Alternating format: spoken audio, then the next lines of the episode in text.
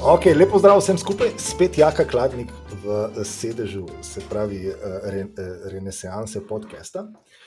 Uh, Maja se je še oglasila, da sem jih govoril. Ja, živijo, ne, jaz sem čakala na en dolg uvod, ko ga imaš Do... danes za gosta, Jaka, ampak očitno se moraš že prej oglasiti. Ne, hvala lepa, le, ker si danes spet gostitelj. To so dubla dobre uh, feedbacke na prejšnjem podkastu, ki smo ga posnela skupaj, tako da zdaj le, ko bomo obdelali eno vročo temo, o kateri jaz največ razmišljam septembra, zdaj ni bilo drugega priklica, sploh s kom bi jaz rada to naredila.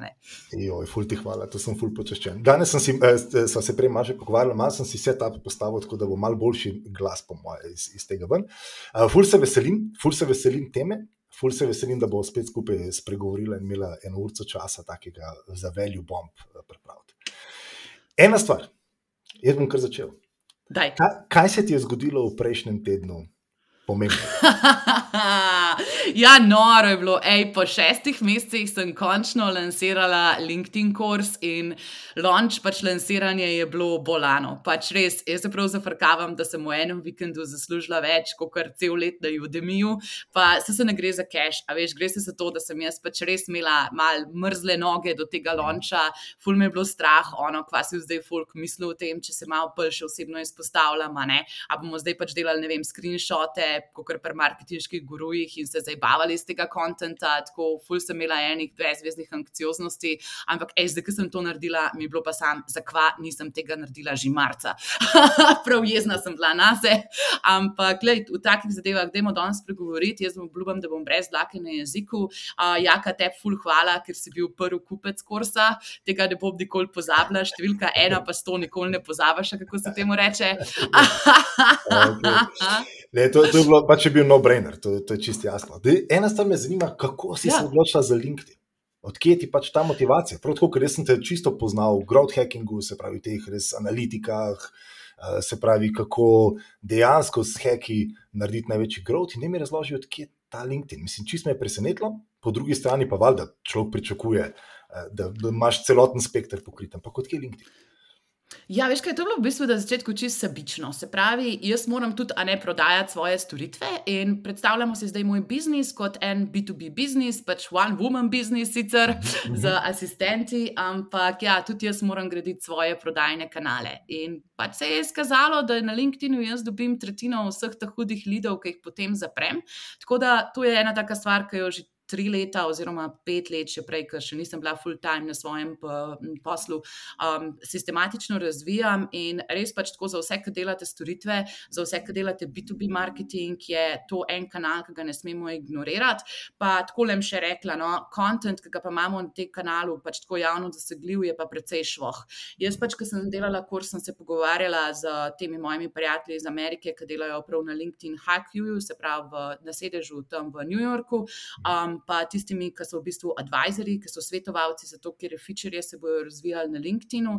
Klej v Evropi je pa tako malo bolj na ravni prodaje vse obstal. In pa se vem, da pušajo to, da bi treba delati LinkedIn oglaševanje, ampak čisto domensko znanje, ki ga imamo mi klele, no je pa blazen švoh in folk ful ne pozna, kva se da narediti za ston urodji. Tako da, evo, glede na to, da je to meni uspelo na nasnem poslu, sem bila ne navdušena, ampak kar živčna sem bila, da je treba to deliti štekam. Ampak si vrhunsko delal. Mislim, da sem se takoj spustil v kurs. Tako kot sem ga. Ja, tako sem šel, sem šel uh, uh, drilin, se pravi, sem se spravil čez. In je res, mislim, ga priporočam vsem poslušalcem. Ampak ena stvar me zanima. Um, Eš full let tvojih izkušenj je v tem, v tem tečaju, zdaj si umenil nekih 5-6 let. Ne? Tam v tečaju sem jaz nekaj zaznal, da si nekako rekla, da ne vem, računaš nekateri tudi po 400 evrov na uro dejansko, kadar razdelaš ja, njihove strategije in vse ostale stvari. Da mi povej, en tak tečaj. Point, ja. ja, ampak ne, nima, nima, až, ti v tej eni uri ne moreš njim dati tako intenzivno, kot daješ na tem tečaju. Kako, kako časa si porabljal, da si to vse skupaj sestavljal? Če ti če delaš nek flow z nekim klientom, aj to prije, potem najprej imaš ok, edukacije zaposlenih, pa kako njihov profil zgleda, pa malo ideje gor dol, pa malo brainstormaš, pa, pa začneš. Ampak ti si tukaj res skoncentrirana, aj to je res veljo bom. Jaz sem tako uro včasih, nekatero, mislim, uno prvo uro, ko sem šel čez določen stvari, ker mogo iti nazaj, še enkrat pogledati, ker, ker eš, ti si kar punčline daš, ne? tam, tam, to je treba, to je treba. In da mi znaš, kako si to vse skoncentrirala, kaj si razmišljala, ko mhm. si vse skupaj dala na kup. Mhm. Okay, najprej mogoče začela kar zakaj. Zakaj sem Okej. se jaz sploh odločila, da eno vsebino, ki se mi drugače dosti dobro prodaja, ful se mi dobro prodaja kot konzulting storitev, vržem za res male pare ven. Zaradi tega, ker tudi jaz a ne imam v življenju precej rada, da so stvari nove, da se stvari ne ponavljajo in ker si eno stvar zdrdral že tokrat, pač meni je edino pametno, da jo posnameš, zaradi tega, ker to nima nobene dodane vrednosti, da jaz hodim po firmah, pa da jim kažem, kam naj klikajo, zato da si profile porihtajajo. Um, jaz pač mislim, da je to znanje, ki se ga da tiho konzumirati, in pač definitivno ne mislim, da je delavnica taka, ki se učiš um, googlati, kako se na LinkedIn-u spremeni URL, kako se ga kostumizira, uredna tega, da bi jo plačal, ne vem, 200, 400, 2 urja. Kakorkoli so zdaj že cene klele v Sloveniji, ne vem niti. Um, tako da, ja, to je bila prva stvar, da jaz pač enostavno s svojim časom hočem narediti največji vpliv, pa dodano vrednost na podjetja. In jaz pač nočem biti neka preplačana, zabavna oseba, ki pride v podjetje, malo animirati management, ampak hočem, da na koncu res nekaj dobijo in nekaj naredijo.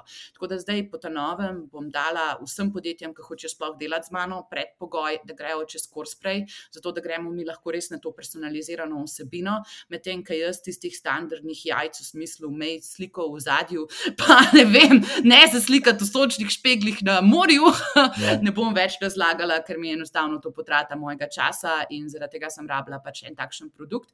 Pa pa ena stvar, o kateri sem pa v karanteni začela ful razmišljati, zato ker nas je vse pač, ker smo delali prej ful po firmah, oran požgal po glavi, pa je, ali mi smo delali v firmah. Pa smo pa to predstavljali na online in pač tako le, eni so se boljši, drugi so se slab znajdeli v teh naših merobordih in ostalih orodjih, ki jih uporabljamo. Uh, pogrešala sem pa interakcijski čas, se pravi tisto, da nimam pasivnega udeleženca na drugi strani, ampak njeno vse osebo, ki obvlada, pa je na polno opolnomočena, da govori stvari nazaj. Tako da Ja, meni se zdi iz vidika tega, kaj je vsebina, ki jo lahko zapakiramo, pa ni generična vsebina. To, kar jaz razlagam, je res pač tisti flow, ki ga imam jaz, kot si ti rekel, sprehajaš se po mojih možganih, pač tako vidiš logiko, kako se jaz odločam določene stvari in pač to je logika, ki jo jaz dam vseh, če sem konzulting biznis. Pa še nekaj resno, letošnje leto za me ni leto tega, da zaslužimo čim več denarja, to je bilo lansko leto, zdaj smo full dobro in letos pač tako delujem skladno s tem, da naredimo največji vpliv, pa da res pač te stvari, ki so se zdaj v prejšnjih uh, obdobjih naredile, da jih damo na voljo čim več ljudem po čim bolj dosegljivih pogojih in to me letos driva. In smešna stvar pri vsem tem pa je, da kakorkoli jaz razmišljam o vplivu, pa kakorkoli jaz dobrega naredim, pa pač mislim, da odpiram svoje. Uh, svoje firmo, boljše priložnosti pridejo do mene. In to je pa ena taka stvar, no, ki me je letos zelo presenetila na pozitiven način. O, zelo lepo, zelo lepo. A sem ti sploh odgovorila na vprašanje? Si, si odgovorila, si se pravi, ampak še, še zmeraj bom sam malo bolj detaljno daj, daj. Koliko časa si pripravljala ta kurs? Najboljše vprašanje v podkastu. Okay. Zdaj pa vsem poslušalcem sporočam, ne delati tega, kar sem jaz naredila. To je bila popolna napaka, to je bilo zelo neumno in zelo sem jezna, da sem se na ta način tega lotila. Pa si zdaj tole. Novoletni cilj je bil, uh, da pač tako začnem z bolj intenzivno produkcijo online tečajev, in valjda sem se jaz januarja, februarja zakopala v pripravo. Februarja sem imela ta glavno, glavnino snemanja. In pač tako načeloma ta kurs. Um, Bi lahko šel ven marca. Mhm. Sem ga potem še malo dopolnila, ampak bi lahko šel ven marca. Ampak kaj se je pa gospe Voje naredil? Uh, jaz sem zaprla eno tako dobro priložnost v Ameriki in me je tisto tako absorbiralo, da pač enostavno nisem imela kapacitete, ampak ne časovne kapacitete. To, da nimaš časa, je bullshit. Čas se najde. Pač jaz sem danes ob petih ustala, zato da sem naredila en briefing, da sem šla k frizerju in da ob devetih z jako tole snemala. Čas se najde. Nisem imela pač tako moči oziroma tega energijskega prostora, možganskega prostora, da bi tole res pač tako finišala in naredila. Mhm. In ful je bilo zanimivo, zaradi tega, ker sem tudi za ta kurs precej vložila v produkcijo. Um, Klele mi je pomagal Janko svojo ekipo, um, ful mi je Anževa je tudi pomagal, zaradi tega, ker on pač tako itak za vikendi zahaklam za kakšen hackathon na področju online učenja in te zadeve. In ne, klele sem imela pa res eno tako stvarno. Zdaj sem se pol leta pol borila, tisto, da končno najdem čas, da to naredim. In na začetku sem mečkano, a veš, tudi imela pač strahov, pač v smislu, ja, kva si zdaj folk mislil, a bom zdaj pač, zdaj jih nočem imenovati, ampak vsi vemo, kdo so ti naši marketinški guruji, ki jih je cel YouTube poven. A se zdaj jaz na to raven res spuščam, ali pač še vedno iz tega lahko naredim nekaj tasga, kot jaz hočem biti pozicionirana, ne kot mhm. nek. Um, konzultant, ki ima relativno visoke cene za Slovenijo. Um, tako ful me je bilo strah tudi, da se mi bo devalviral posel, če grem to narediti. Ampak pol, ej, veš kaj je bil pa usodna prelobnica, to pa je smešen, kot res smešen. Pač tako jaz imam ful dobrih prijateljev iz tehnologije. Ne? In v okay. tehnologiji, in tako vsi vemo, da pač skozi skos pač hočeš ti produkt, če malo pofrizirati, pa ga malo izboljšati in da ful disi dag, da temu da bi lansiral. In ja, dva ta moja programerska prijatelja, se jih lahko kar imenuje vem, pač Boštjan Pišler, ki je bil tudi v podkastu skupaj z Rosom, pa Tim Hanšek, on je um, iz konoplje.net, pa prehranska dopolnila imajo tudi uniklo. Um, tako da, ful, ful, ful, ful, ful, ful, ful um, sta me spodbujala, no, da zakva tega ne naredim. In na koncu smo prestali na tem, da z vsakim stavom 200 evrov, da če do konca septembra ne bom lansirala tega kursa, sem jaz ob 400 evrov uh, zaradi mojih prijateljev, s katerimi smo savali. Ne, se ne rečem, da je bila to edina motivacija, sam bil je pa veš, tisto, ki me je prinil čez rob, zdaj pa res, zdaj pa moraš, zdaj pa to narediti. Um, tako da, ja, lej, v samo produkcijo, povem po pravici, je šlo dva meseca, pa približno 5000 evrov, um, pač zato da sem se zrihtala, pač, kar se tiče mhm. produkcije, postprodukcije, malo je bilo treba upremce dopupati, make-up, pa frizuro je bilo treba sfinancirati mhm. normalno, ne, ker sem ženska. In ja, to so bili pač produkcijski stroški uh, za vse, se pravi, ja, pa sem imela pa pač ta mindfuck, jaz ne morem tega reči, mm -hmm. mindfuck, da sem se enostavno pač preveč dolg časa ukvarjala s produktom, namesto tega, da bi pač hitro lansirala in evo, zdaj le ta teden se tako po glavi točem, da nimam tega že od aprila zunaj, ki bi res lahko naredil full, full, full, full, full več in klele je lekcija, ki si jo lahko vzamete, res dragi poslušalci, je ne dela tega, kar je naredila Maja Voje z LinkedIn kursom. Dajte ven stvar, vidite, kako se svet odziva na to in lej, sem pa naredila, naprimer, full dober marketing marketinško lonča. Uh. -huh. Marketinško sem pa jaz pač tako praktično naredila prodajo z petimi statusi na organski način. In sem bila že čist prejšnji teden, ko sem lansirala pač tisto, kva, ali zdaj ne grem pa še v cikl, da še tisti landing page pedenamo, tako malo sem si mhm. šla že na živce. Uh -huh. uh -huh. In sem rekla, ne, zdaj mora pa ta zadeva iti ven. In jaz klele nočem ustvariti nekega Frankensteina, ki ga flikam, takrat, ko imam cajt, ampak hočem res se resno rotati tega, ampak na začetku hočem videti, kva se naredi, če ta produkt spustimo v svet. In bilo je noro. Pač jaz zaenkrat nisem dala enega evrov marketing, kar je povedala, kaj sem naredila za lansiranje. Mm, se pravi, naredila sem ene tri poste na Facebooku, tri poste na LinkedInu, poste na Instagramu, par storijev, mailing sem poslala na mojo bazo, ki je približno 500 folka, pa pač. Hvala Bogu, ste tudi eni ljudje to delili, zaradi tega, ker drugače pač ne vem, če bi bil doseg takšen, kot je bil.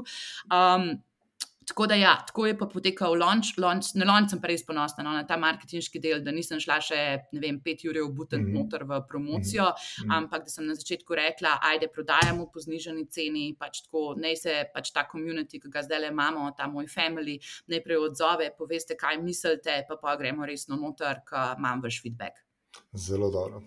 Mislim, jaz sem zdaj na 50 postov tečaja. Okay, jaz sem šel okay, že pet, več kot 50 let. Morda si vodilen, veš, zato ker je res šest ur dolga zadeva in folk vidim, ne. da si jo kar malo počasno zame. Ne, ne, ne, super. Jaz sem šel čez, oziroma zdaj se sprehajam čez vse in moram tako povedati za vse. Ne. Prvič, res dobiš svoj mirobord, ne. dejansko moraš delati v, v mirobordu, dobiš v bistvu celoten neset, zato da lahko ta.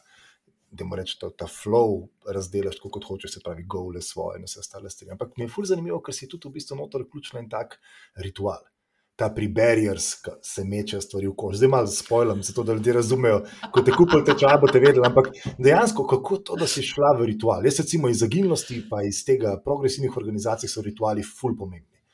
Ja, si, ga, si ga tako uh, dejansko intuitivno dala noter, ali si z namenom dala noter, oziroma kako je ta ritual, oziroma kako si te stvari skoncipirala. Mm, po mojem, zelo naravno, zaradi tega, ker veš, celotna ta moj LinkedIn game temelji na habitih. Jaz pač eno uro na teden pišem kontent, pol ure na teden delam na to, da profil raste, da se pač povezujem s pravimi ljudmi, in ostalo je pač neke interakcije, oziroma pač tem, da se razvijajo poslovne priložnosti tam. Mimo grede, ta teden sem zaprla, da bom predavala na St. Gallen's University, ker sem full vesela, pa na tej veliki oh. konferenci v San Francisco, growthhackers.com, ki um, zdaj se pač tudi jesen dogaja prodaja, bom dobila pa eno novo predavanje, kako dobiti pasivne prihodke v poslu, se pravi, kako se narediti afiliate, pa referral fee. Tako da, ja, to se je pač tako vse naredil ta teden, tako ful sem navdušena, ful sem vesela, ker še enkrat, kad daš v svet to energijo, ki si jo toliko časa pač tako konzerviral vse, pa se mi zdi, da svet pač kar tako eksplodira in da se mhm. pojavijo še nekih sto novih priložnosti. Pa je tako pač tako, biznis ljudi pa totalno laufajo, to je tako nikoli ni bilo panike pri meni. Ampak ne, pa hočem zdaj povedati, je tisto metanje izgovorov, ne, zakaj ne delaš LinkedIn v koš, je bilo nekaj tazga, ki se mi zdi, da je ful simbolično, da narediš na začetku. Mhm. A veš, kot naprimer se oblečeš zjutraj v telovadno upremo in veš, da boš v telovadu, tako sem hotela narediti eno tako akcijo, da se mogoče v glavi te najbolj očitne izgovore zbriše. Kva, večina folka ne ve, kva bi objavljali na LinkedIn-u, nekaj jih je pač skeptičnih, a se to sploh splača, da pribe rok, rasnik, prijatelj. Ker sem ga pa, pa sem ga pa spreobrnil na to, to je tako po moje dosežek leta, da roka rasnika nekaj prepričaš. Ampak uh, ne, pač tako, veš, te standardne stvari, kot kar ne vem, pač ta najbolj neumen izgovor, da nimamo časa, tako čas se najde. Lej, če gledate Netflix, če pač tako, da ve, igrate igrice na telefonu, pač tako jaz presežem, imate cajt in jaz počnem iste stvari, sam pač tako vzamemo si ga ne, ampak kot smo se prej pogovarjali, pač ni bandwidth, ni tiste mm. energije, da bi nekaj naredil. Tako da ja, to je bilo čist eno simbolno dejanje, ki mislim, da je luškano, da ga na začetku naredimo. Zelo dobro. Ja, jaz sem bil čist pre, eh, presenečen, navdušen, tako da mi to zelo štima in te rituali, so, se, se strinjam, so res ena taka lepa stvar. In mi je všeč, ker do zdaj sem bil na veliko online kursih, uh, ne obstajajo rituali. In ne obstaja mirobord. Uh, obstajajo, se pravi, neke ja, ex-katedra predstavitve, dobiš nekaj pač par PowerPointov, dobiš zraven neke slide, mogoče kakšne hitre checkliste ali kakorkoli, ampak pri tebi res je v bistvu mirobord. Človek lahko to dejansko uživo dela zraven in resnično zelo dobro in zelo interaktivno. Ok, spet si deva malo roke umazati, okay, ker dejansko moramo več malo. Jaz to obožujem. Okay. Meni je to tako dobro pri tebi, zato ker nikoli ne zavijava stvari v celofan, ker res vlečeš, ker se da ven. Jaz sem to, ta tečaj, to je dobesedno, kot da imajo vojeme za svojim hrbtom, ko browseš po LinkedIn. Dobesedno, mm -hmm. ker, jaz, ker v bistvu, oziroma drugače, obrno, kot da sem jaz za tvojim hrbtom, ki gledam, kako ti browseš po LinkedIn. Ne? Dejansko, ker se to screen grab. Ne? In jaz sem ugotovil, da v bistvu je to za tebe, oziroma ne za tebe, da jaz ga nisem nikoli tako percepiral, čeprav veliko tudi sem na LinkedIn, ampak to je res. Ja, hard job. Až ti dejansko browsers, gledaš, eh, komentiraš med temi ljudmi, med ljudmi, vidiš, da eh, ta ima, ima toliko konekšnjo, pa toliko v bistvu engagementa, to ne bo v redu. Dobesedno sem bil s tabo tam če me zastopiš. Dobesedno ja, sem lahko razumel, kako se ti tega lotiš, na kakšen način ti to počneš. In v bistvu to je na meni naredil največji impact. Ne? Res dobesedno impact, da se neko tako ošit. Moje brozanje po LinkedIn ne štima dejansko skladno s tem, kot bi moral, oziroma ga ne gledam tako. In da mi je ena stvar, pa je, koliko ur na teden ti porabiš na LinkedIn. Ok, eno je browsanje, ampak ta del, oziroma eno pisanje konta, ampak ta browsanje del ni malo časa. Mislim, ne smeš. Je malo časa. Je malo časa. Je malo okay. časa. Okay, je malo časa. Ne, res, ko ni bed. Lej, jaz moram biti fulj previdna, kjer informacije spuščamo svoje življenje. Veš, in, mm -hmm. in tako mi pač tam ni zabrati unih cirkel žrkov in ne vem, pač tako. Padel sem petkrat, zdaj sem poslušal petič in zdaj mi je res uspelo, nikoli ne obupaj. Pač tako te vsebine pri meni fulj ne vibrirajo. Mm -hmm. Jaz pač res tam goriščem strokovnjake, s katerimi lahko naredimo kakšen biznis. Pač tako vsa ta huda partnerstva, ki imam z Merosi, z Američani, sem pač tam gor naredila, tako da jaz se tega res tako zelo namensko in v full majhnem obsegu lotevam. Lej, se itak pač ne vem, poslušaš podcaste, pa se povežeš s temi ljudmi, ki tam predavajo, si na konferencah, tam pač tako namensko delaš odnose. Če pa vidiš, da te tako zanima neka firma, ne, pa da pač se nekaj zasledil, tako pa malo reverse inženiraš, se pravi, pogledaš, kako bi lahko prišel do teh ljudi. Tako da ni tisto, da jaz pač po dve uri na dan visim na LinkedIn-u in berem vse ta treš od statusov, zato ker vsebine so res pač tako fulne kakovostne, vsaj pač mhm. na mojem feedu. Imam mhm. pač par ljudi, ki jih z veseljem spremljam, ki se učim od njih, ki mhm. so mi super in pač res mislim, da je to moja mini učilnica. Sam pač tisto, ne vem, šli smo se slikati zgornji duplek pred odprtjem gasilskega malaja, pa glihni neki tasgano, ki je meni v poslovnem interesu. Vse je luškano, pač tako ful dobro, da se podeželje razvija, ampak ni neki tasga, ki bi meni ful koristila v biznisu. Kaj kot govor? Odgovor na to vprašanje je, jaz sem na LinkedIn-u dve do tri uri na teden, zaradi tega, ker moram sama umetno full Mhm. povzirati svojo prezenco na družbenih omrežjih, ker enostavno pač tako veš, a veš, da jaz, če imam uro, pač jaz uro lahko prodam v konzultingu. Lahko se pač, ne vem, sprehajam zunaj s psi, ker mi je Mhm. prijetnejše, kot da browsam na LinkedIn-u, čisto po pravici povem.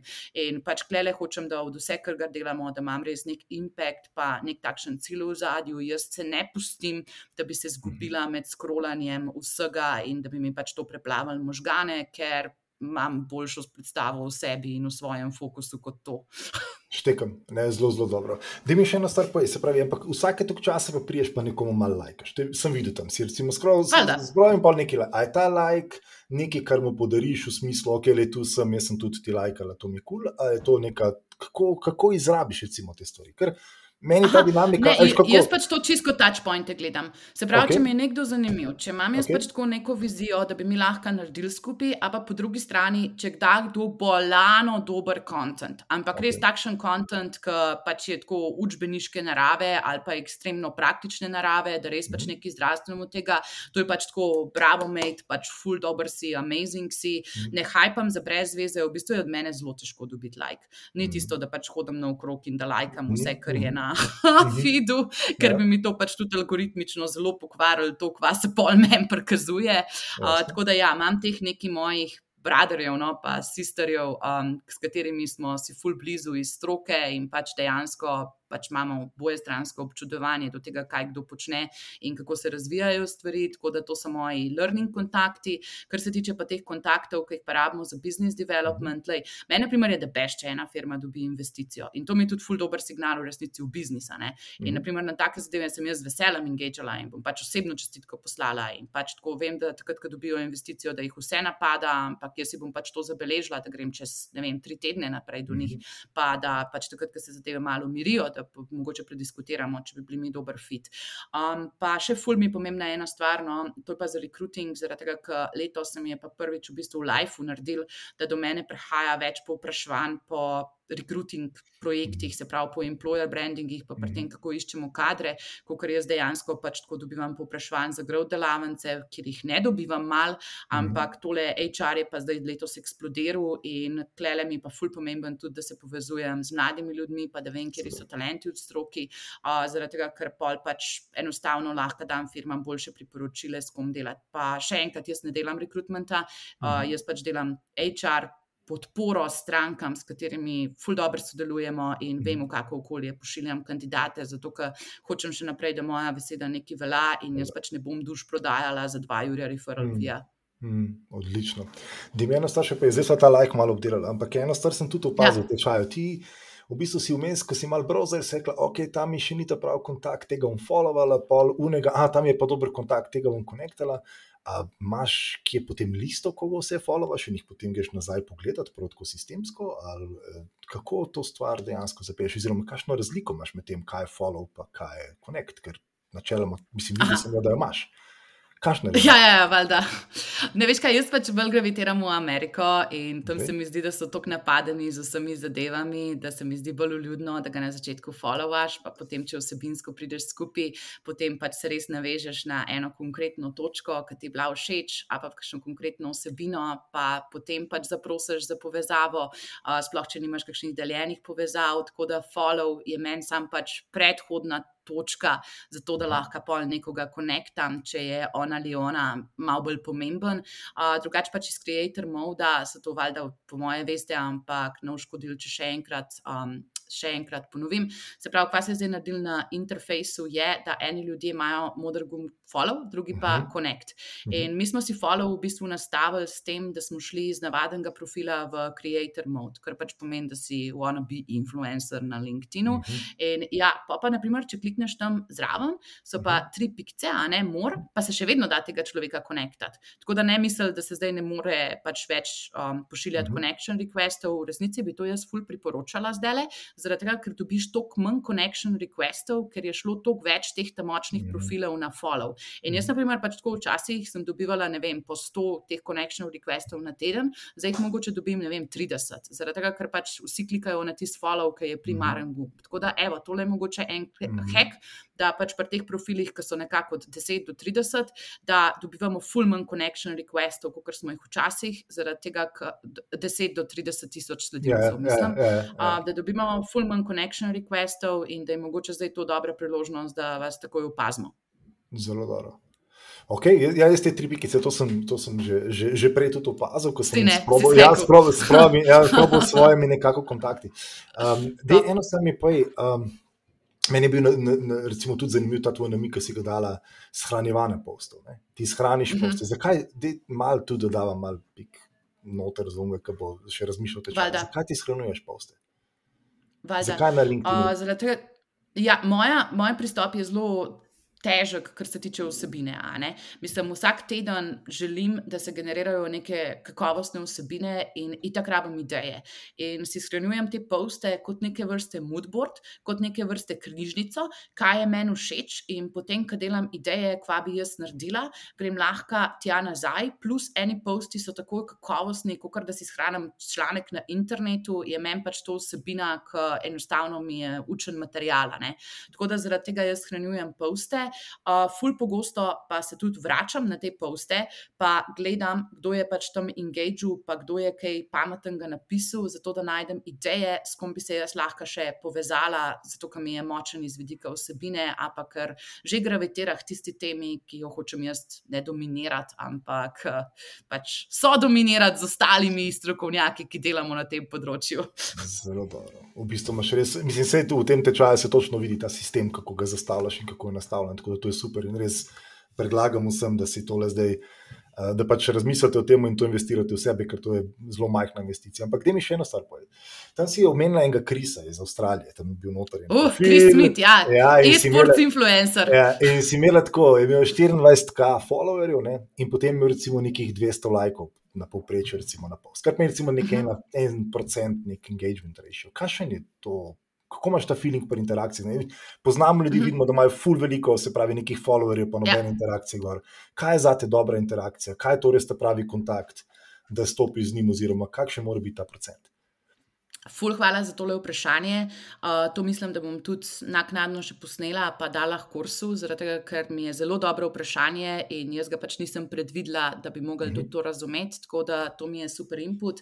Lej, jaz mislim, da je to ful odvisen od tega, kako velik profil imaš na začetku. ne. Mhm. Prva stvar, ki je meni tako čisto dogajala v glavi, je, bilo, ko je bil doseg mojega posta večji od števila povezav, ki jih imam jaz na ne. Naprimer, da imam jaz 300 teh povezav na LinkedIn-u in pa imam, ne vem, 1000 dosega, jaz sem itak pač tako full vesela, wow, trikrat več ljudi, kot sem jaz povezana z njimi, je to videla. ne.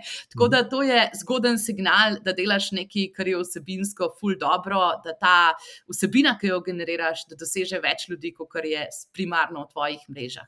Pol na 10 tisoč se pa začne zadeva malo komplicirati. Smo pa pač enostavno že mičkem preveliki, pa sploh če uporabljamo kakšne avtomatizacije oziroma kakšne take stvari, ki so mal um, na sivi coni, kamor sem Mhm. pripričana, da bo tudi Jako šla v tem podkastu, uh, se ti pa doseg začne kvart. In pač enostavno te ljudje ne vidijo več tvojih postov, oziroma jih je težje pripravljati, da dobijo interakcijo z njimi. Zato, ker, naprimer, kaj je engagement rate? Engagement rate je pomen, da se je pač nekdo komentiral, lajkal, a pa nekaj naredil s postom. In, naprimer, če vi objavite eno tako stvar, kot so te koroselčki, se pravi, pet na svetu, kako povečati LinkedIn mrežo, ki se tako naprej klika tisto puščico, tole ima click-through rate pač od 30 do 40 odstotkov. To je noro. Ampak tega ti ne bojo lajkali ljudje, zaradi tega, ker enostavno oni si tisto pogledajo in pa rečejo, o, dober, in kaj je njihova motivacija, da pritisnejo like, tako res moraš imeti takšen wow efekt, da dijo pamet. In ja, eni formati so lahko ful močni iz vidika engagementa, ne bojo imeli pa dost dosega. Tako da te zadeve je dobro malo pogledati, čisto v analitiki posta, ki se odločaš, kje stvari ti boljš, kje stvari ti slabš funkcionirajo. Pa včeraj sem glih naredila eno tako ful dobro primerjavo, se pravi, isti video, uh, teaser za kurs sem dala na tri različne platforme v isti Mhm. uri, pa sem ga pustila videl. 20 ur gor. A, da veš, super. Ja. Kar pa je, kar pa je, kar LinkedIn. Ja. Valjda, valjda, valjda, ni panike. Uh, zaradi tega sam, da povem, kako je močen organski algoritem. Pa si bom jaz zdaj tole še enkrat odprla, zato da ne bom um, ciferic glave govorila. Evo ga. Se pravi, en post, 20 ur, tri različne platforme. Na LinkedInu sem imela doseg od videa 3200 ljudi, na temu Instagram. TV-ju, kar je Mhm. Instagram Live, ker sem to narobe napisala na story, boomer, je bilo 751 uh, viewjev. In tle na Facebooku je bilo pa 430 viewjev, ampak je bilo pa 141 engagementa. Čakaj, ta zadnji, za ki si sa- ta zadnji je bil LinkedIn ali Facebook? Sorry, ki si rekla prvi. Facebook je bil Facebook? ta zadnji. A, fir, aha, prvi, Ja. je bil, se pravi, prvi je bil LinkedIn. Prvi je bil LinkedIn. Aha, ok, potem Ja. si dvakrat. Na LinkedInu sem imela 3 ure ogledov, okay. na Instagramu sem imela tako like 751 700, ogledov in na In Facebooku Facebooku, sem imela okej. samo 430 ogledov, ampak po, naprimer, ko pa gledamo te reakcije, uh mhm. -huh. pa jaz sem dobila klele na Facebooku 141 reakcij, čeprav je imela zadeva samo 430 allegedly ogledov, uh mhm. -huh. na LinkedInu, ki je imela pa 3000 ogledov, sem jih pa dubla 100. 35 reakcij. In zdaj, kva to pomeni? Ta folk na Facebooku, verjetno se tudi ogled malo drugače, se mhm. algoritmično šteje, ja, ampak mhm. ta folk na Facebooku pač ne vem, vidi mojo faco in smo frendi in stisne like. na mhm. LinkedInu pri tej količini mreže pa nismo več vsi frendi in pač ljudje ne tripate, ker zaradi tega, ker pač jaz odprem usta in stiskate lajke. Um, tako da ja, se je treba bolj nadelati, se je definitivno treba bolj nadelati. In če gremo nazaj na ta primer od Krisa Smita, Kris Smit je en prijatelj iz Avstralije, ki je influencer na področju e-sporta. Jaz ga Mhm. spremljam zato, da se pač naučim, kje gami so zdaj popularni, pa kva bi lahko delali za promocijo hardvera. Ful ima dober content, ful ga priporočam. Mhm. Um, on dela v eni taki niši, pa ogromen profil ima. Mislim, da ima 30 tisoč, 50 tisoč followerjev, ne vem niti. a Ne? Mhm. In to, naprimer, da ima on pri tej količini followerjev še vedno, ne vem. 300 ljudi, ki mu to lajkajo, je full dober rezultat. Če imamo pa mi 300 followerjev in pač dva, ki nam lajkata, kar je procentualno boljš, pa to ni dober rezultat. Pa lahko še malo izboljšamo kontent. Tako da, ja, samo to sem hotela pojasniti, no, razliko Ok. med te velikimi in pa te malimi profili. Um, drugač pa en full hud je iz Amplituda, ki je um, tudi Chief of Education tam, imenuje se John Cutler. On ima na vsako stvar, ki jo napiše v product managementu, tako like po 700, 1100 lajkov. To gre res pač tako Oh. viralno, prfuknjeno je, res bolano. In jaz pač njegove poste si stalno shranjujem in on sam pač nekaj umero tu nariše in pol napiše, pač, kako težko je biti product manager, a pa kako ljudje tega reštekajo in to gre pač na hard viral. Um, jaz te metode, ki jo on ima, pač nisem steklala, da bi pač vse, kar koli dam ven, nekako tam le ponoriral in da bi res bil tako kakovosten engagement, kot ga ima on. Um, delamo pa stvari konsistentno dobro. Se pravi, delamo stvari, ki nam bodo na dolgi rok prinesle ful dobre rezultate iz vidika lead generationa, Mhm. ker mene ne na zadnje le ne zanima.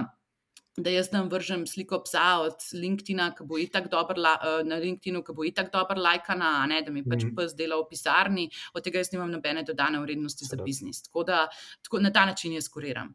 Zelo dobro. Odlično. Mislim, ja, eh, se je videlo tudi, da imaš tudi pri tem, kako poste dejansko sestavljaš in kako se lotiš tega. ne. To je, to je bilo zanimivo. Ker tudi, ena stvar, ki jo najbolj um, uh, obdelaš na samem tečaju, je to pač problem številka ena, ki si ga dobila dejansko Ja. z analitike. In kaj je pr- problem številka ena, če poveš? Ne vemo, kaj postati. Ja, exactly. Ne vemo, kaj postati. Ne? Se pravi, ta del obdelaš zelo dobro znotraj, znotraj samega tečaja. Tako da res iz tega je, je super. Da mi pa eno stvar, osebna analitika, zdaj se že tam. Ne? Se pravi, zdaj, če si ti tam, Ja, ja, ja. malo si, malo si že razdelal te stvari. Kaj pomeni dejansko dobra statistika? A to dejansko pomeni, da, vem, da rastem vsakič, vsak teden za 50 postov gor, ali pa nekih vizitov profila, kaj so tiste merilniki, ki bi jih bilo dobro dejansko upoštevati pri neki analitiki, zato da ljudje mogoče danes, ko bodo poslušali ta podcast, gre na svoj LinkedIn in pogledajo in reče, ok, to je zdaj prvi znak, da mogoče rabim en coaching v, v obliki online tečaja.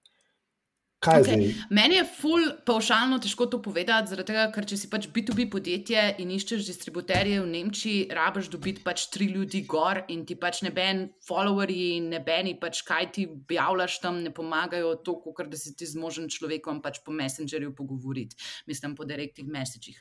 Tako da ful nočem potegniti nekih um, takih enovitih zaključkov, bom pa mogoče razdelala to na svojem primeru. Se pravi, meni ful pomembno je, kako mi mreža raste. Ker na začetku sem gledala sam doseg in na doseg sem jaz pač, le komod pridem na 20, na 40 ur, konsistentno dober, tako da ta doseg sem nekako steklala, pa, pa da je pa več dosega, moraš pa pač tudi več učk dobiti v svoj ekosistem. Ne? In ker ne moreš računati na to, da bo vse šlo viralno, sem začela pač tako še sistemsko graditi na bazi oziroma na rasti mreže.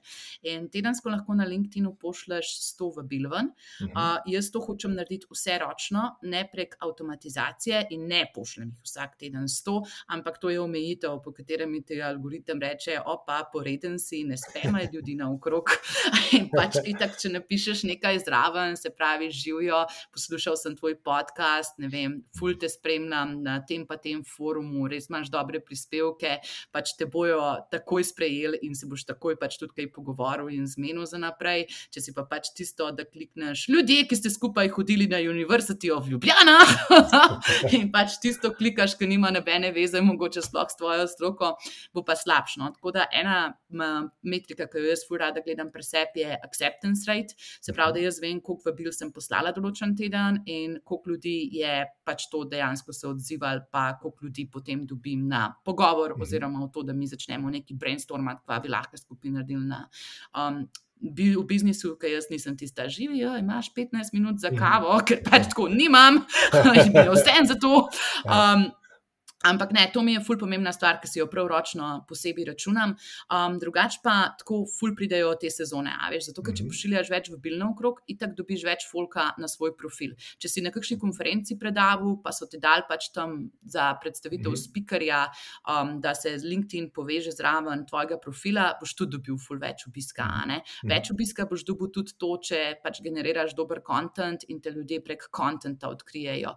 Tako da, ja, obiski na profilu so meni tudi ena taka stvar, ki jo spremljam. Tretja stvar, ki mi pa pač tako najpomembnejša in zaradi tega jaz to sploh delam, je pa pač število poslovnih priložnosti, Mhm. ki mi jih ta mašina generira, ker drugače pač rajš visim na TikToku in gledam avstralske očarje za svojo animacijo, kot pač da ne vem, scrollam po LinkedInu in da se seznanim s tem, kdo je napisal samo založbi novo knjigo.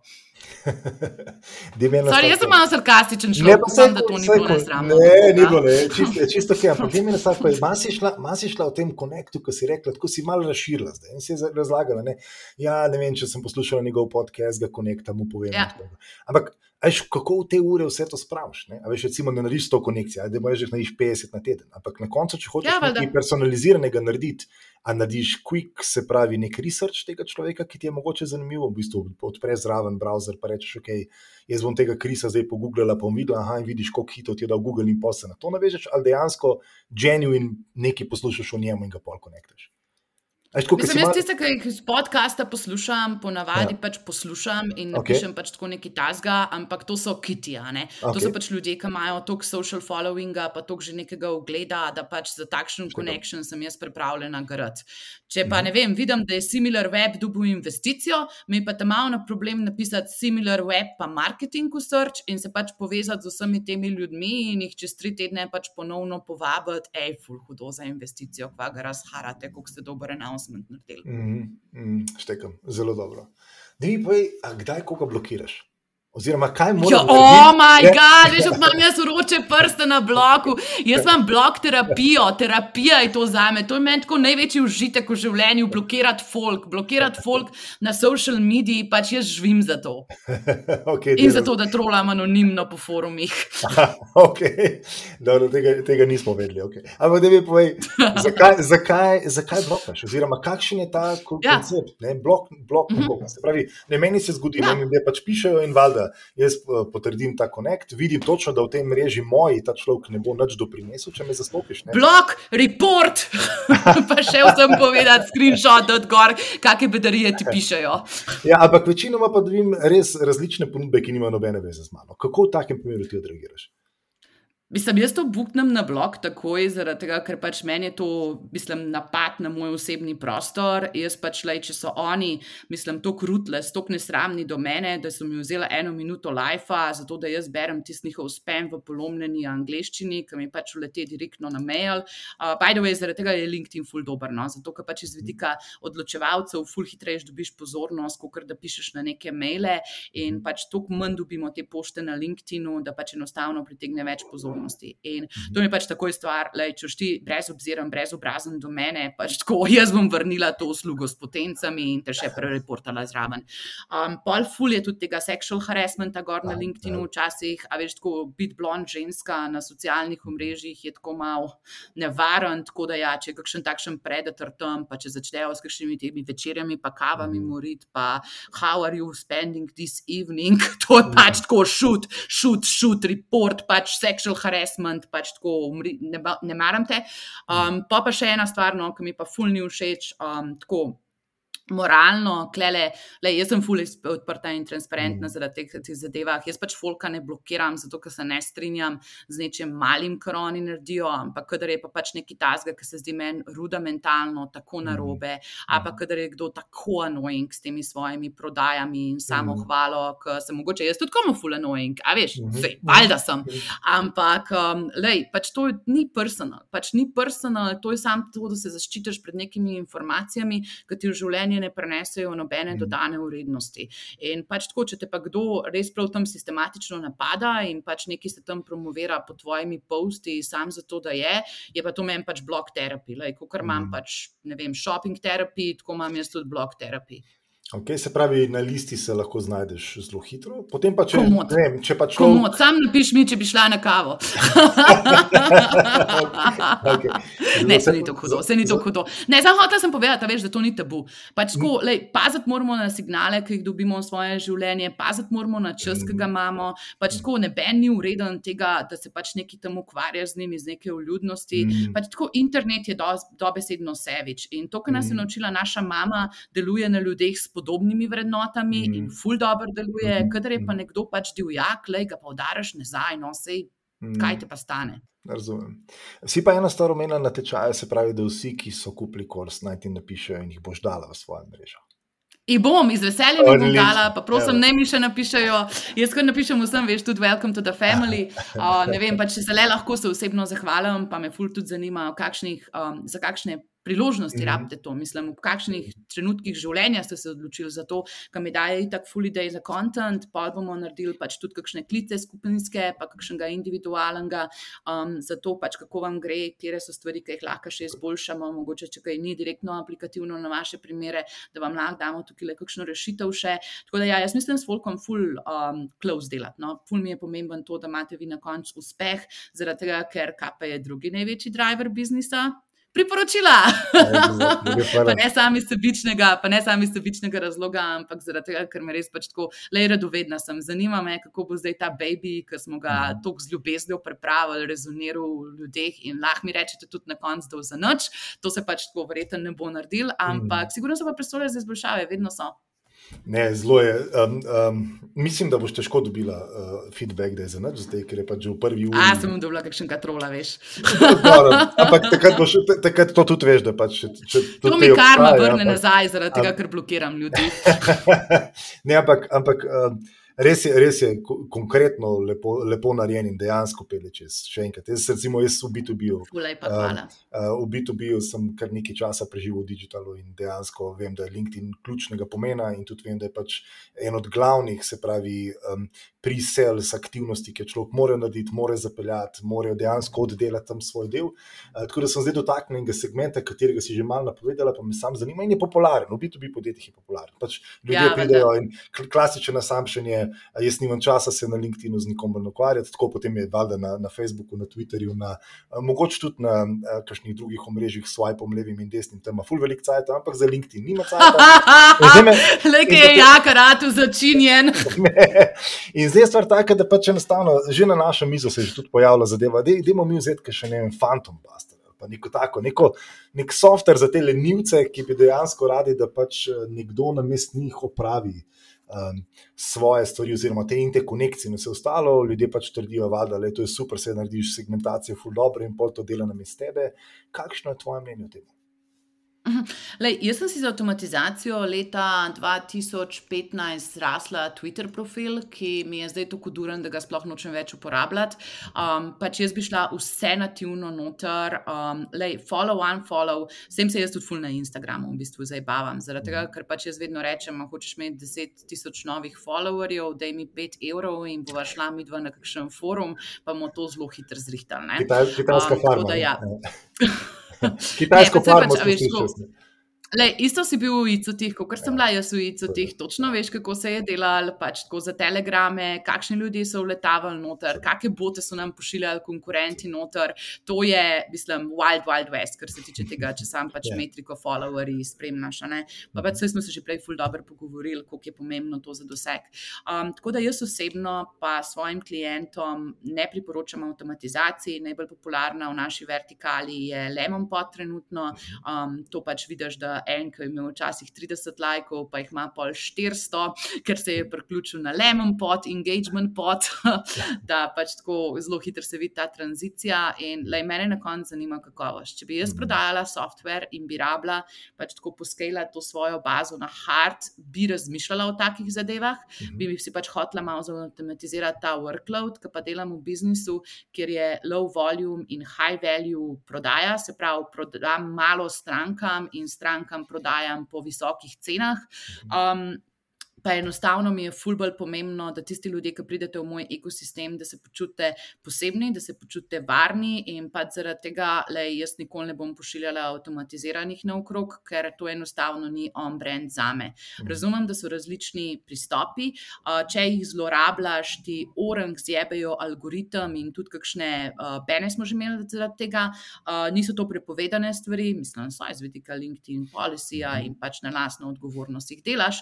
Ampak ja, so precej uh, običajne, ampak tukaj le veš, je kot s cold mailom. Pač imaš ljudi, ki pač enostavno jim dobro deluje cold mailing kanal, ampak če bi jaz zdaj le poslala vem, na bazo slovenskih podjetij cold mail, živijo, a bi kupili LinkedIn kurs, uh, bi se počutila kot piece of trash prvič, pa še pač mhm. mene bi kot blagovno znamko to blazno uh, devalvirali, da pač tam neki spamam folku za kurs, ki stane 50 evrov. Mm. Oziroma, takrat, ko bomo mi to objavili, bo že malo več stov, ampak imamo kodo za popust, vigači, v redu je.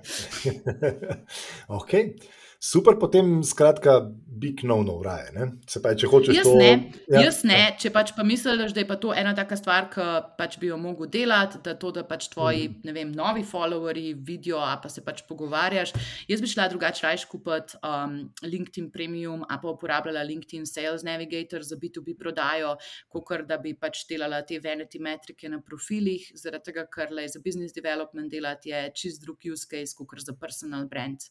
Odlično. Zdaj si jih začela. Naslednje vprašanje sem imel. Kdaj sem jaz zrel za LinkedIn Premium? Ker to je hekaj tvoje, so na dejansko na, na brezplačno. Na zaston vse. Na zaston ja. vse. In to je meni ful pomembno, zaradi tega, ker jaz pač v življenju. Ali ti software, subskripcijski, ful hitro se ti nabirajo, ne se veš na mhm. firmah. Pa tok za maile, mhm. pa pač tok za to, da lum snemam, pa ne vem, pač software, budžeti, te, ki jih plačujemo vsak mesec, so kar težka stvar. Tako da mhm. jaz mislim, da. Na osebni ravni in pač to, da delaš business development na majhnem nivoju, pa v visokem value sceni, je pač za ston profil, čist dobra stvar. In jaz pač tako osebno, le nebenega klienta ne bi niti porivala v LinkedIn Premium, uh, zaradi tega, ker bi pač to trenutno za moj okus nima še take dodane vrednosti, da bi res to bil amastin biznis. Mislim, da se pač da še prej marsikakšno stvar poštimati, preden se ti taka zadeva začne. Zdaj, LinkedIn Sales Navigator je druga zgodba, to definitivno priporočam za vse, ki moramo delati cold outreach, pa ne vem, se živijo. Naslednji teden sem na sejmu na nizozemskem, ker si tudi ti na nizozemskem, daj bo se vi zvedeti za eno kosilo, z veseljem častimo, imamo privatno zabavo za influencerje, da se nam pridruži. Uh, tako da ne, tiste zadeve bi pač enostavno dala prek LinkedIn Sales Navigatorja ven. Um, LinkedIn Premium, pa le, mislim, da smo vsi imeli svoj trial. Jaz ne vem, koliko je stopna podaljševanja pri teh trialih, ampak jaz pač mislim, da če ne delaš full time v HR-u in v business developmentu oziroma v salesu, pač enostavno LinkedIn osnovna urodja, brezplačna urodja so tako močna, da se da tam narediti vse, kar rabiš. Mm. Zelo dobro. Jaz imam en hek. Uh, ja, gorensko, ne, gorensko. Ne, dej, kaj imaš, kup, ja, a hek? En, en, hek vam, en hek vam na, na Sales Navigatorju.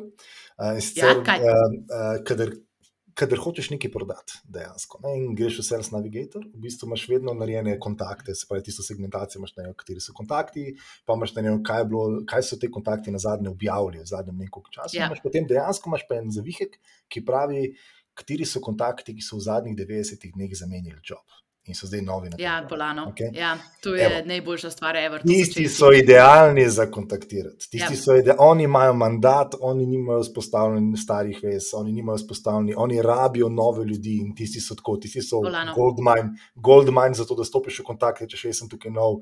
Ker nekomu, ki že sedem let dela v nekem marketingu, oddelku, kjerkoli prijeti reči, mi bi radi nekaj pomagali, priti imati že objes, da ima vse setup že narejen. Ja, pa Milena iz zavarovalnice je tudi navajena na te svoje procese, ki jih ima, ja, pa tako, je precej udobno. Tako, še lepo, da je dovoletno zabavo dobil trenutne firme. Tako ne, tako ni, ni, ni želje po spremljanju. Ampak oni tam, ne ona, on za vike, ki so v 90-ih dneh zamenjali job, oni imajo res tak potencial. Ej, full value edit, hvala, da si to delil. Super, ne, ne, super. Ok, zdaj mi pa še, še tako gremo malo počas, da provo zapreti. Se pravi, tečaj ima Daj. dva gosta. Ima dva Tri. gosta? Tri goste. Povej, kdo so to. Kaj bi bil ti četrti? Ne, ne, ne, ne, tako ni panike. Pa malo se je z navigatorjem delala. ne, ampak eh, četrti, eh, mislim, četrti ne, sorry, tri gosti. Se pravi, videl sem, da imaš ja. tega iz Izel, se pravi, njega imaš. Gor, ja, ja, Davisa, on ima ful dober kurs tudi na področju, uh, kako se osebno dela, pa za kariero. Ja. Tako, ok. Kdo so še druga dva? Aha, Ricardo je en moj prijatelj iz Belgije, ki je full hood na B2B oglaševanju in je edini, ki ga jaz poznam, ki ima profitabilne uh, LinkedIn-ece v moji mreži. Pač vsi ostali pravijo, da delamo branding in da se bo že s časom povrnil. On je pa pač tako hud performer in mi je totalno všeč. Pa pa še prijatelj iz Amerike, iz Product Led Instituta, uh, Ramli John, z njim pa pač tudi snemamo Product Led podcast, pa pač ful se imamo radi z njihovim komunitijem. On je pa insane personal brand tam naredil. Pač, tudi če pogledate njegov Twitter, pač on je pa takšen content sharer, pa to zna dobro community um, graditi tam, da dijo pamet. Tako da jaz se od njega naučim nenormalno. Oni so drugače, pač tako, mislim, da so kanačani. Ja, kanačani so ne američani, sorry za to. Um, in pač ja, oni so pa meni tako najbolj avtentični, najbolj prijazni in pač tako najbolj topli ljudje, ker sem jaz prišla z njimi na stik na LinkedIn-u in vem, da se to zveni kot en hipi, ampak oni imajo blazno uspešen biznis in jaz z njimi full dobro delam, zato ker niso nasilni, niso arogantni, niso samohvalni, pač oni imajo meni dober vibe. Odlično. Okay, potem se pravi, dobimo velik del Majevo in dejansko še tri goste, ki so v bistvu footprint naredili v tej industriji. Ja, le, mogoče zdaj štiri, ne? zdaj veš, me to komika, ki si povedal tam ne zasejo z Navigator, da bi naredila en side by side. bo, bo se pogovorila offside o tem. Ok, deva še proti zadnjemu vprašanju. Spej, komu, ja. Za koga si naredila ta tečaj?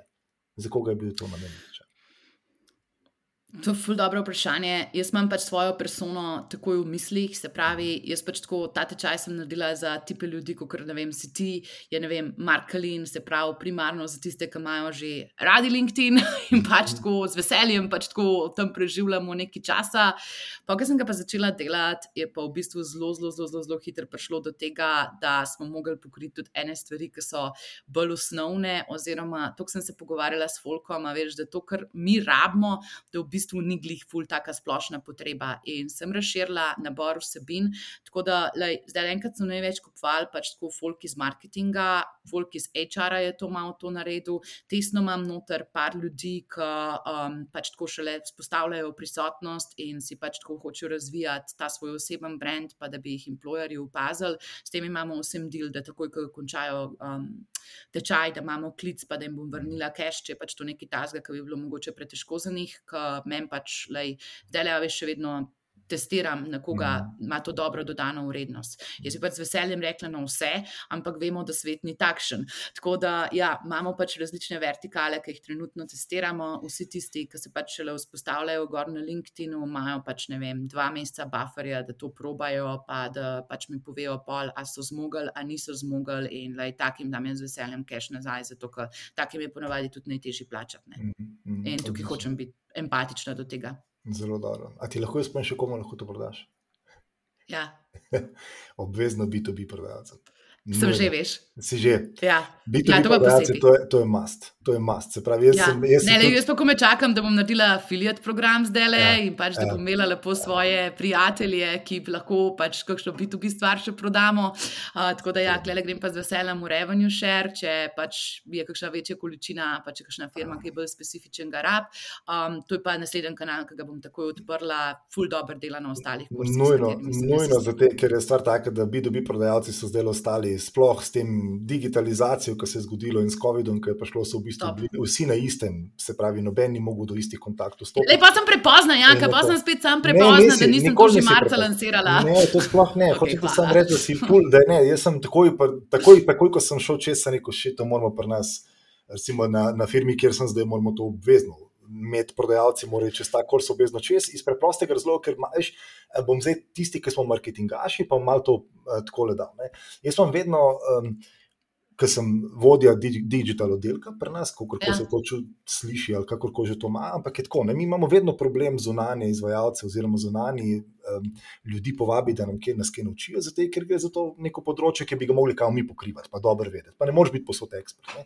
In jaz sem se že zdavnaj naučil, da v bistvu jaz agencije in ljudi povabim zraven, zato, ker prvič pomagajo utrditi nekaj, kar že jaz skozi govorim, po drugi strani pa dajo poseben veljo zraven, ker Zelo preprosto, se pravi, če ti priješ in rečeš, da to postane za toliko denarja, zdaj pa Maja prišla nekaj razložiti, pa je povedati, ne, v naš oddelek, potem ljudje vzamejo bolj resno. Veš, tudi prodajo vzamejo resni. bolj resno. Ja. Pol Reče, ok, Tukaj sem jaz investirali. staviti, da lansiram kurs. Ja, Tako, zdaj smo- zdaj- zdaj- zdaj smo- Zdaj smo resni, zdaj pa to treba vzeti. Ne? In zdaj kaj se dogaja? Ne? Jaz kot marke- marketing skozi govorim, dajmo fanti ta LinkedIn, ne samo širiti poste, svoj kontent dajte napisati, dajte dnevno kontakte, vi morate postati kanal, ker če gledaš v enem B2B segmentu, če imaš ti zelo specifično prodajno, prodajno persono, buyer persono, si jo boš mogel Ja. zgraditi skozi svoj, kanal na LinkedInu. Dejansko. To bo, ti boš mogel rati Ja. ta medij. In to še lahko narediš, Ja. če še do ta znanja, kot jih imaš, kot si jih dala ti. Bolano. Definitivno-. Ja, tako da, definitivno tisti B2B, kjer boste dali bolane denarje v marketing, uh, uh, za ne vem, kje oglaševanje, v ne vem, kakšnih specializiranih revijah, mogoče bi bilo boljše, da greste na ta kurs, pa naredite svoj kanal in naredite svoj medij s tem, skozi svoje zaposlene. Tako da, um, evo, to je bilo moje, zdaj sem te, sem si. Uh, Ne, jaz tole že razmišljam, kako bom, ne, jaz okay. razmišljam, kako bom to kopirala za na landing page in kako si to res dobro povedal. Tako da, lej, bolano, full dobro. Odlično. Tako da, Maja, jaz bi zdaj nekako to probo zaključiti. Sva nekako Da. unih 55, 56 minutah nekako je še snimali. poslušljivo. Je, da je še poslušljivo. tako. Um, ful ti lepa hvala za to razlago, za, prvič za povabilo, da si, da si mi povabil, da spet lahko, lahko s tabo preživim eno urco. Drugo, kar je pa to, res je razložila tako v detalje stvari. Jaz mislim, da ni več za razmišljati. Jaz mislim, da pač vsak, uh, mi vemo, da LinkedIn je ne samo tu, ampak pač enostavno kroji naš business life. Uh, in jaz mislim, da je pač to, kar si dejansko naredila, totalen value bomb, ki ga mora vsak dejansko iti čez in ga mora, mora pač vzeti za sebe, zato da ima za svoje delo, za svoje, se pravi, pojavljanje, uh, za svoj razvoj, da ga mora pač dejansko iti čez ta kurs. Evo, Ja, kako si fenomenalno to povedal. Pač to je res hvala, ker si bil pripravljen spet snemati. Vem, da imaš full naporen teden, pač toliko stvari se ti dogaja v lifeu, toliko stvari tudi narediš iz vidika vpliva, pač pozitivnega vpliva na družbo in res si pač tako freaking mašina. Oziroma, kaj smo na zadnje rekla, agilni lumberjack. ali, ali, to bomo enkrat razložili. Angeli Lambert. Nek lambo, ja, nek lambo, to bo na naslednjič podkastu. Lej, da mi samo še zadnjo stvar pomagi. Jaz razmišljam, lej, prejšnji teden sem obljubila, da pač tako toliko velikega popusta, kot sem ga dala, ne bom dala nikoli več. In pač sem kurs znižala iz 99 evrov na 49 evrov za tiste, ki me pač sledijo preko mojih osebnih uh, omrežij. In zdaj pač, ko se september zaključuje, zdaj pač res ne bi poslušalcev Renesanse pustila brez Mhm. kode za popust. Tako da, lej, da mi pomagi, tako da jaz ne zlomim te obljube, ki sem jo imela v Blonču, kakšno kodo bi dal vsem poslušalcem Renesanse. Kakšno kodo bi dala? Koliko bi dala popusta? O, to ti povej. To ti Ne, povej. ti to povej. Ne, ne, Ti povej. Jaz ti sam vem, da več kot 50, 50 um, evrov ne smem več dati popusta, ker sem v Blonču obljubila, da nikoli več ne bo tako pocen. Potem jaz bi predlagal, da naredimo naslednje in to je to, da je en tak quick skok, še en teden podaljša za vse poslušalce Renesanse, isto kodo pa, pa zakleneš nazaj. Veš, kaj bom naredila? Tako največjo kakeljico bom naredila. Dala bom novo kodo za popust, ki jo bomo napisali, bo ne vem, Renesansa in bo 49 evrov popusta, ne 50 evrov popusta. A? Odlično, odlično. Evo, Top, the best. Zato, da mi jo ne morejo še drugi ljudje, se rečem. evo, A, to je evo, to. To je to. Okej. To je to, alright, jaka, ej, amazing, full hvala, full hvala tudi vsem, ki ste valjda poslušali do konca. Mm. Jaz upam, da smo vas excited, da vsaj pridete pogledati tečaj, uh, ker to je res ena taka stvar, ki sem res ogromen dela vložila noter, pa pa zaenkrat odzivi so res pač fludaruf, full dobri odzivi. Tako da, ja, le, jaz upam, da se vidimo v tečaju, uh, drugače pa naslednji teden v poslušanju še ene renesanse. Lepo bo te, čau! Čau.